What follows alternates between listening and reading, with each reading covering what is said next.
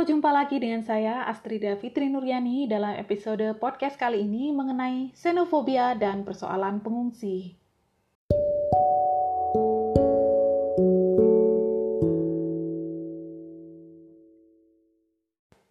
Xenofobia berasal dari bahasa Yunani kuno yang berarti xenos, artinya orang asing, dan phobos yang berarti rasa takut. Sehingga kata xenofobia berarti rasa takut atau rasa benci terhadap orang asing. Perlu dipahami di sini bahwa rasa takut atau rasa benci terhadap orang asing yang dimaksud dalam definisi ini sebagaimana dijelaskan dalam tulisan yang dicantumkan oleh website talk.co yaitu dari Needle pada tahun 2019 bahwa rasa takut dalam konteks xenofobia tidak sama dengan rasa takut terhadap serangga misalnya atau terhadap hewan atau bahkan terhadap ketinggian. Rasa takut yang ada di sini adalah rasa takut yang mendekati rasa benci dan ingin melenyapkan.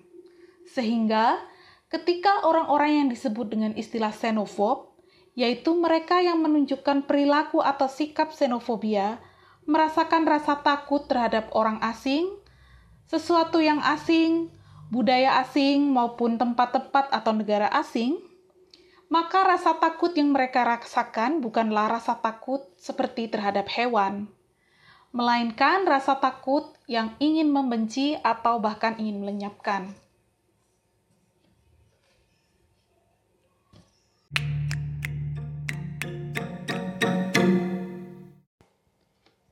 Nah, karena konteks rasa takut dalam artian xenofobia tadi diartikan sebagai rasa takut yang menjurus kepada kebencian, maka sering kali xenofobia berkaitan erat atau berkorelasi erat dengan rasisme. Nah, apakah yang dimaksud dengan rasisme? Apakah rasisme sama dengan xenofobia?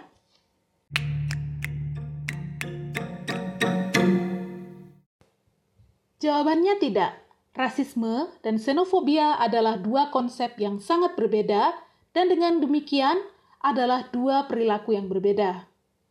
Meskipun keduanya dapat koeksis atau dapat ada secara bersama-sama dalam diri seorang individu, namun tidak semua orang yang rasis adalah seorang xenofob. Banyak pula orang rasis yang menunjukkan dengan terang-terangan atau menyatakan bahwa ia tidak menyukai atau menganggap remeh suatu ras tertentu.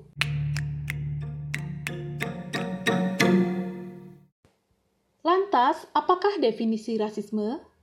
Menurut Kamus Merriam-Webster tahun 2020, ada tiga definisi rasisme. Yang pertama adalah rasisme adalah paham yang meyakini bahwa ras tertentu bersifat superior atau lebih unggul dibandingkan dengan ras lainnya. Yang kedua, rasisme adalah doktrin atau program yang disusun berdasarkan asumsi rasisme untuk melaksanakan prinsip-prinsip yang rasis atau untuk menunjang suatu sistem sosial politik yang berbasis ras. Yang ketiga, rasisme didefinisikan sebagai prasangka dan atau diskriminasi berbasis ras.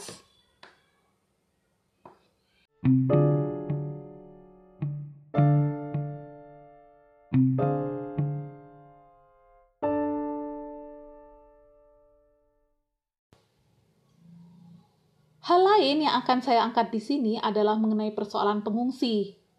Persoalan pengungsi sebenarnya terkait dengan beberapa hal, yaitu perbatasan antar negara, masalah pencari suaka, hukum yang berlaku antar negara, dan peran aktor-aktor penentu dalam aspek perbatasan maupun hukum di dalam negara-negara yang terkait.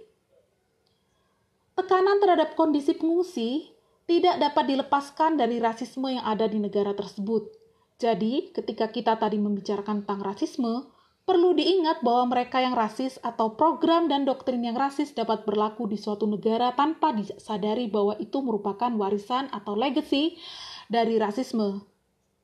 Bahkan ketika ada politisi yang rasis yang kemudian memegang kebijakan terkait dengan imigrasi misalnya, hal ini dapat menyebabkan dari kesulitan yang dialami oleh pengungsi.